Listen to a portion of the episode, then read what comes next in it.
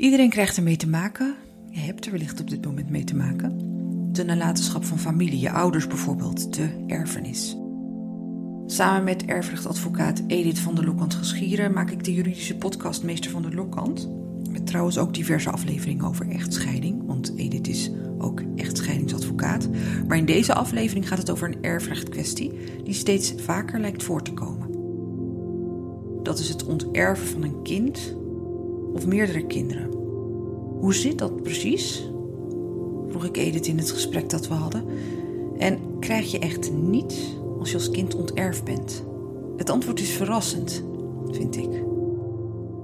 Edith, in deze aflevering hebben we het over de erfrechtkwestie onterven.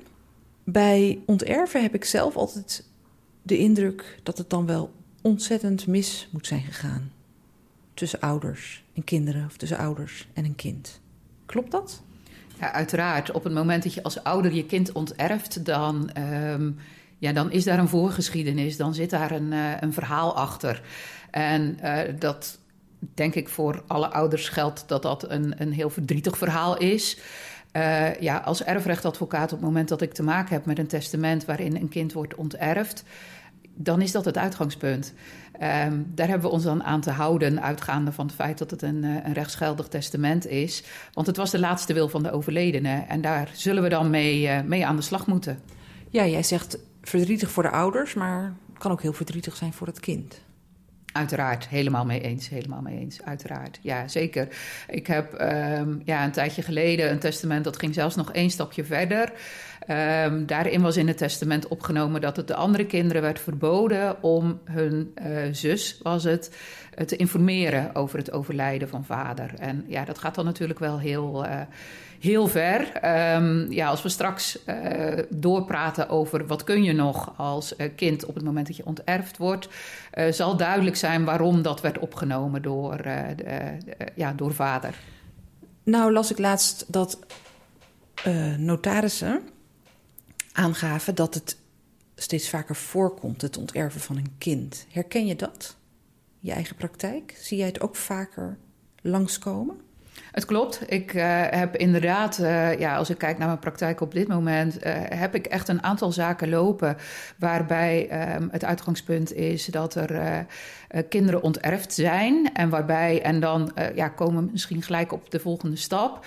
Um, waarbij het juridisch gezien niet zo is dat het daarmee dan ophoudt. Dus op het moment dat je als kind geconfronteerd wordt van ja, ik ben onterfd door mijn vader of door mijn moeder. Um, dan is het niet zo dat je dus met lege handen staat. Want in de wet is opgenomen dat een kind dan altijd nog recht heeft op wat juridisch heet uh, zijn legitieme portie. Maar eerst wil ik eigenlijk nog even een stapje terug. Want uh, dat is de vraag van hoe, hoe, hoe, hoe gaat dat? Hoe onterf je een kind? Hoe leg je dat vast? Hoe regel je dat? Ja, heel goed. Uh, daar begint het uiteraard ook mee. Um, als ouder, op het moment dat je je kind uh, wilt onterven, dan zul je dat bij testament moeten regelen. En dat is ook echt de enige manier.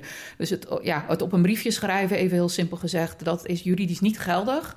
Het moet echt bij testament geregeld zijn. En een testament in Nederland kan alleen uh, door een notaris worden opgesteld. Dus op het moment dat je overweegt van nou ja, ik, uh, in mijn situatie is het toch echt het beste dat een van mijn kinderen onterfd wordt, dan zul je daarvoor naar de notaris moeten om een testament te laten opstellen.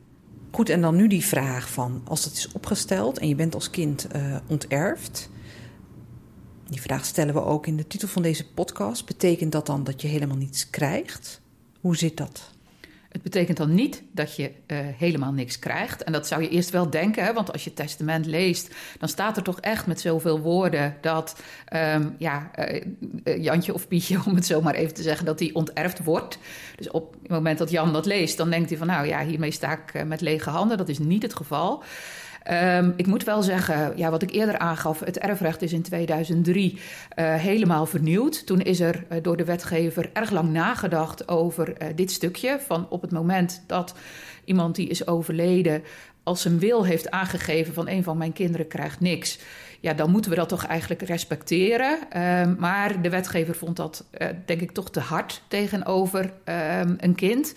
En er staat nog steeds in de wet dat een kind recht heeft in geval van onterving op zijn legitieme portie.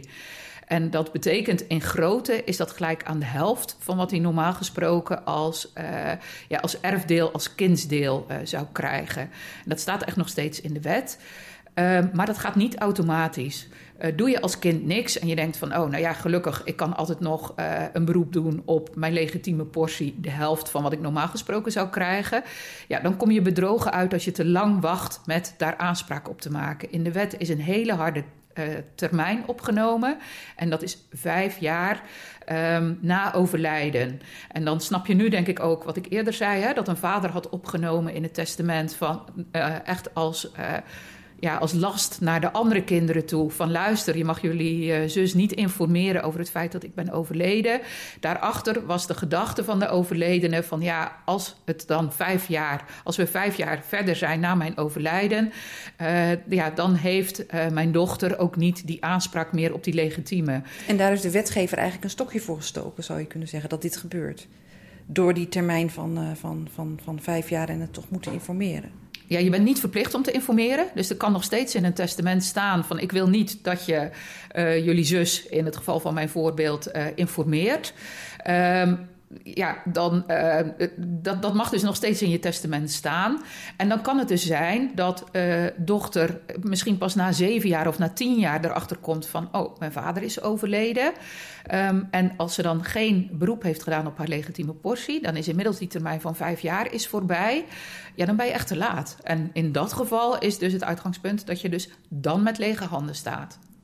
Je kunt je ook voorstellen dat er, ik weet niet of je dat meemaakt, maar dat er toch ook erfgenamen zijn die uh, in deze situaties ook zeggen van ik, ik hoef mijn portie niet. Maar vooral die erfgenamen kloppen bij jou aan die toch wel uh, de helft van dat kindsdeel, want daar gaat het uiteindelijk dan simpel gezegd over, uh, willen hebben. Uh, dat klopt. Het kan natuurlijk, uh, ja, teleurstellend is denk ik niet eens het goede woord, maar voor een kind kan het natuurlijk wel confronterend zijn om in een testament te lezen van ja, ik ben onterfd door mijn vader of door mijn moeder. Um, en dan wil je inderdaad wel weten van ja, is dit het? Kan ik hier nog wat tegen doen? Um, ja, soms komen mensen ook wel bij mij met de vraag: kan ik het testament aanvechten waar dit in staat? En dat is vaak een hele lastige, het aanvechten van een testament, omdat, uh, ja, wat ik eerder al zei, het testament uh, wordt opgesteld door een notaris. En daar is een heel protocol waar de notaris zich aan moet houden. Op het moment dat iemand bij de notaris komt en zegt: Ik wil een testament uh, laten opstellen, dan moet de notaris nagaan of de persoon die dat vraagt, of die echt ook ja, bekwaam is om dat te doen. Of die in staat is om zijn, uh, zijn wil te verklaren. En daar is echt een heel protocol voor. Dus notarissen hebben daar ook aandacht voor. En op het moment dat je als kind ziet van ja, dit is wat mijn vader of mijn moeder in testament heeft opgenomen, ik ben onterfd, dan is het uitgangspunt dat de notaris heeft opgelet of vader of moeder in staat was om haar of zijn wil te bepalen. En dan is dus ook het uitgangspunt dat dat testament geldig is. Dus vaak komen mensen bij mij met die eerste vraag: van ja, kan ik hier nog wat aan doen? Uh, dan is mijn eerste reactie vaak wel van ja, dat, dat is gewoon heel lastig. Alleen als we binnen die termijn van vijf jaar zitten, dan is het mogelijk om een beroep op je legitieme portie te doen. Uh, doe dat schriftelijk. Doe dat naar alle erfgenamen toe. Of als er een executeur is, waar we eerder al even over spraken, die een nalatenschap moet afwikkelen. Um, stuur daar bericht naar van ik doe nadrukkelijk een beroep op mijn legitieme portie. En zorg dat je uiteraard een afschrift zelf ook bewaart van uh, dat schrijven wat je de deur hebt uh, uitgedaan. En regel het per aangetekende post. En het meest belangrijke natuurlijk, doe dat binnen die vijf jaar na overlijden.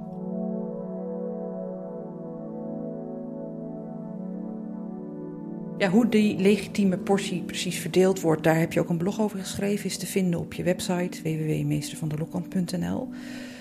Um, wat ik nog wel interessant vind, dat is uh, dat het dus blijkt dat veel mensen bij jou aankloppen en dat hun eerste vraag is: kan ik hier nog wat uh, tegen inbrengen? Dus dat dat niet bekend is, dat als je onterfd bent, dat je dan nog iets kan krijgen, nog iets uit de nalatenschap toch voor jou is, dat dat wettelijk geregeld is. Dat is best veelzeggend. En daarom maak je misschien ook deze aflevering hierover. Ja, zeker. Ook omdat het belangrijk is. Hè? Vooral die, die, ja, die vijfjaarstermijn, dat is echt zo'n fatale termijn. Um, ja, ik, ik, ik, denk dat het ook wel tweeledig is. Van iemand uh, komt bij mij, misschien ook uit een stukje ongeloof. Van is dit echt wat, uh, ja, wat mij overkomt? Dan is uiteraard je eerste reactie: kan ik, uh, daar, nog wat, kan ik daar nog wat aan doen? Door het ongedaan maken van het testament. Um, maar het belang voor mij als erfrechtadvocaat zit hem echt in die vijfjaarstermijn. En mensen daar ook van in kennis te stellen dat je um, ja, tijdig dus actie moet ondernemen. Met uh, de wettelijke mogelijkheid om, uh, ook al ben je onterfd als kind, uh, toch nog een deel van de nalatenschap te krijgen, zie jij ook dat, um, ondanks dat dit best wel zware processen kunnen zijn, dat kinderen toch echt inzetten op het nog wat krijgen uit die nalatenschap? Ja, het kan voor een kind natuurlijk belangrijk zijn. Als je kijkt, uh, we hebben het dan over een legitimaris, hè, dus iemand die een beroep doet op zijn legitieme portie. Um, in de wet is al geregeld dat je uh, dan geen erfgenaam wordt, maar je hebt recht op een bedrag in geld.